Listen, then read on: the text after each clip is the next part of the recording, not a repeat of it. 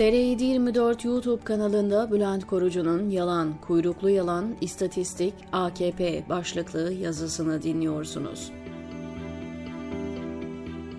Eskiden yalanları sınıflandırırken sıralama yalan, kuyruklu yalan ve istatistik şeklinde giderdi. Şimdi ona AKP eklendi. Hepsinin toplamından fazlaya tekabül ediyor AKP'lilerin propaganda söylemleri. Çoğunlukla ekonomik konularda sarf ettikleri çarpıtılmış gerçekler aynı zamanda toplumdan kopukluğun da göstergesi. Ekonominin nispeten iyi olduğu günlerde göklerdeki uçak ya da 2012'de yollarda olması gereken arabaya kimse takılmıyordu. O dönemde yalanlar çoğunlukla vaat içerikliydi ve zamanı geldiğinde müflis tüccar gibi yeniden çek yazıp biraz daha vade alabiliyorlardı. Şimdilerde vatandaş vadeli çek kabul etmediği gibi gündelik çarpıtmalara da inanmıyor aç ayı oynama sözünü aç seçmen masal dinlemeze çevirebiliriz. Bu palavralara karnı tok diyeceğim ancak tam aksine karnı aç olduğu için aynı numaraları yemiyor. Ringde fena dayak yiyip molada antrenörden gaz nutukları dinleyen boksör gibi soruyor halk. Madem ekonomi harika o halde ben niye açım? Erdoğan rejiminin büyük propaganda makinesi insanları aç olmadığına, ülkede hayat pahalılığı bulunmadığına iknaya çabalıyor.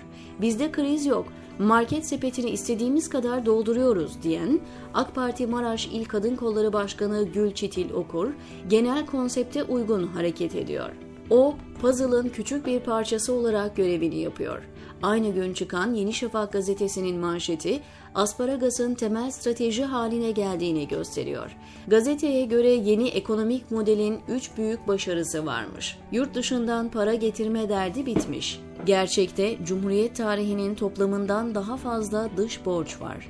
Türkiye büyüme rekorları kırıyormuş ve 5 milyon yeni istihdam oluşturulmuş.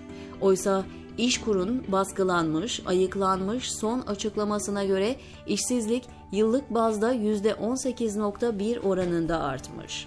Gülçitil Okur'un sözlerinde stratejinin diğer ayağı da fark ediliyor. Güya İngiltere'de aynı ürünü birden fazla almak yasakmış. Paran olsa bile markete gidip iki tane kalem ya da bardak alamıyormuşsun. Kaynak orada yaşayan tanıdıklar. ABD'de ise durum daha vahim.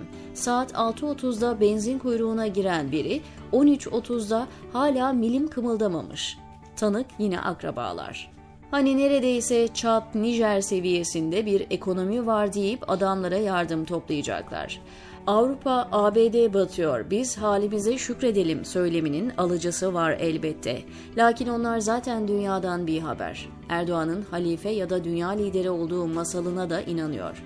İnternetle biraz tanışıklığı olan ve seçimin sonucunu belirleyecek kesimse yav he he diye dinliyor bunları. Asıl önemlisi ise kriz yok kısmı. Bu kesim burnundan soluyor. Mehdi gelecek, dertler bitecek korosu da enflasyonu görüyor, hissediyor ve yaşıyor.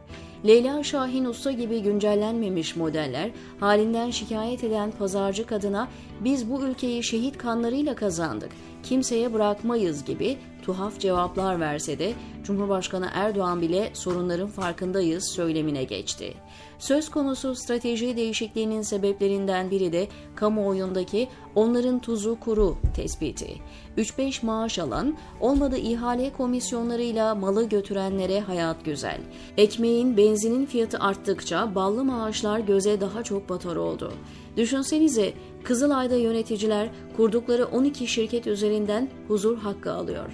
12 şirkette birden başkan vekili olan kişinin bu ayki geliri 198 bin liraymış. Eskiden topluma sus payı verdiklerinden hırsızlıklarla birlikte yalanlar da görmezden geliniyordu. Onlar yine kepçeyle kazanla götürüyor ama halka çay kaşığıyla olsun veremiyorlar. Takke çoktan düşmüştü lakin yerde ulufe toplamaktan kele kimse bakmıyordu. Artık kel ayan beyan ortada. Çare olarak yalanın dozunu artırıyorlar. Bir daha söyleyeyim.